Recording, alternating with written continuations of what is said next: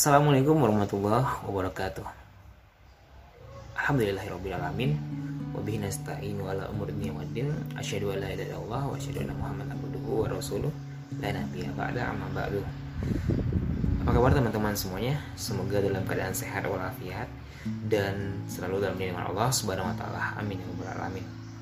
Ya, pada kesempatan kali ini Saya pengen ngebincang sesuatu pada teman-teman semuanya Yang pengennya sih bermanfaat Dan semoga saja bermanfaat. Dan uh, apa sih yang pengen saya bincang apa sih yang pengen uh, saya share kepada teman-teman semuanya? Uh, yaitu tentang side effect. Ya.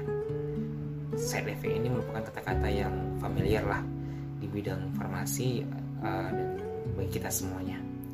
Ya side effect itu sangat erat kaitannya dengan obat.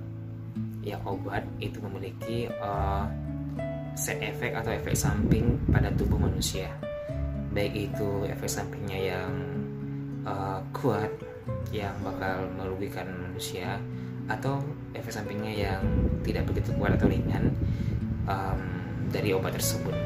Nah, namun saat ini kita tidak ngebincang tentang obat, tapi uh, ada sesuatu, sesuatu hal yang memiliki side effect sama seperti obat dan sesuatu itu adalah uh, maksiat atau dosa.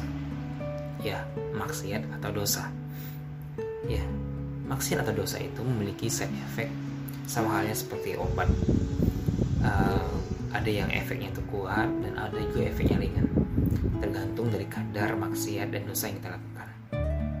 Dan efek samping dari maksiat dan dosa ini bisa terjadi di dunia dan juga di akhirat tentu kalau di akhirat efek sampingnya konsekuensinya itu yaitu neraka Nauzubillah min zalik. Nah, efek samping yang terjadi pada kita di dunia itu apa sih sebenarnya? Uh, adakah dalil yang membahas tentang ini? Yang tentunya saja tentu, tentu saja ada ya.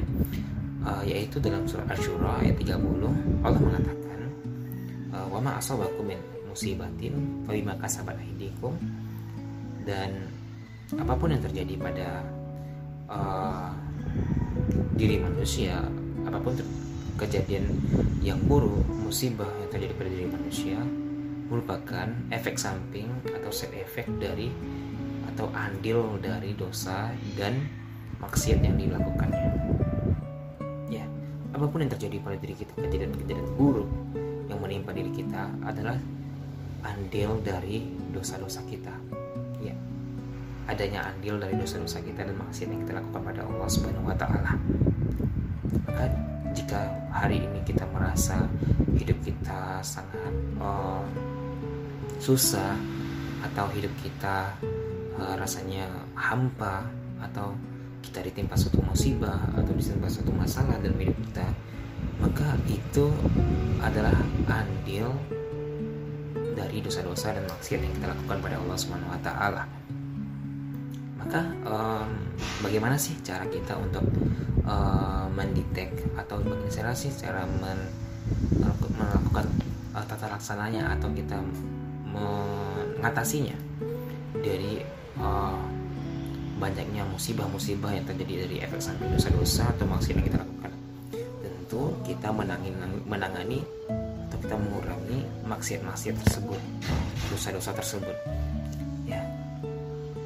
Ya, tentunya yang pertama yaitu dengan bertobat Allah mengatakan uh, wasari'u ila maghfiratin min rabbikum. Ya bersegeralah engkau memohon ampunan dari dosa-dosamu kepada Allah Subhanahu wa taala.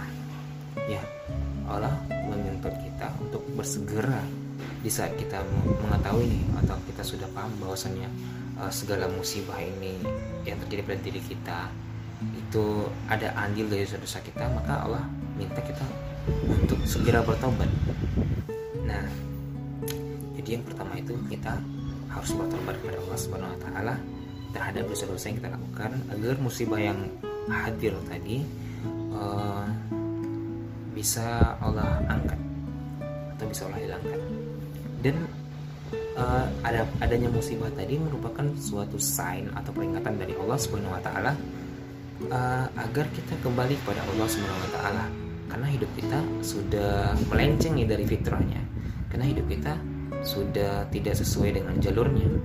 Karena kita bermaksiat kepada Allah Subhanahu taala melanggar aturan-aturan Allah. Maka Allah segera bertobat. Allah Allah meminta kita untuk segera bertobat.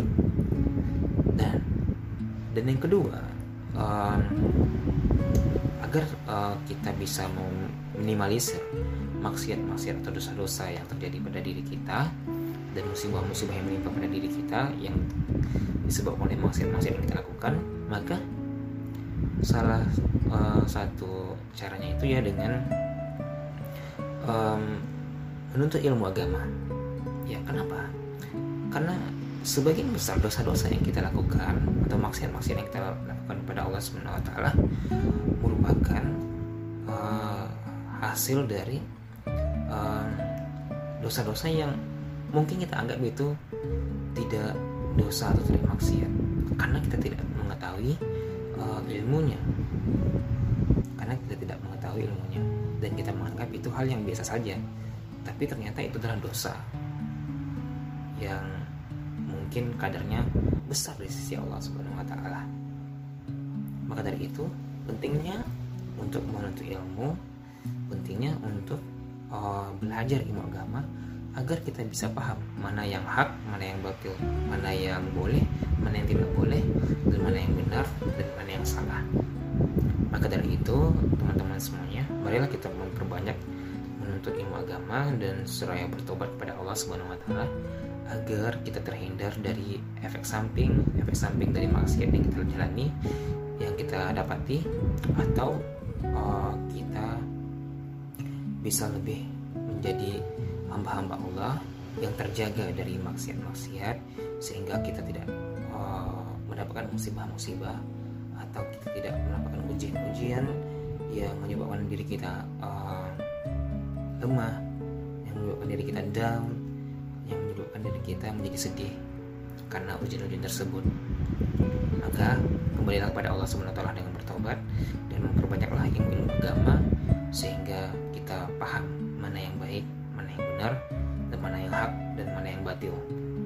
Aku likoli haza. Astagfirullahaladzim. Assalamualaikum warahmatullahi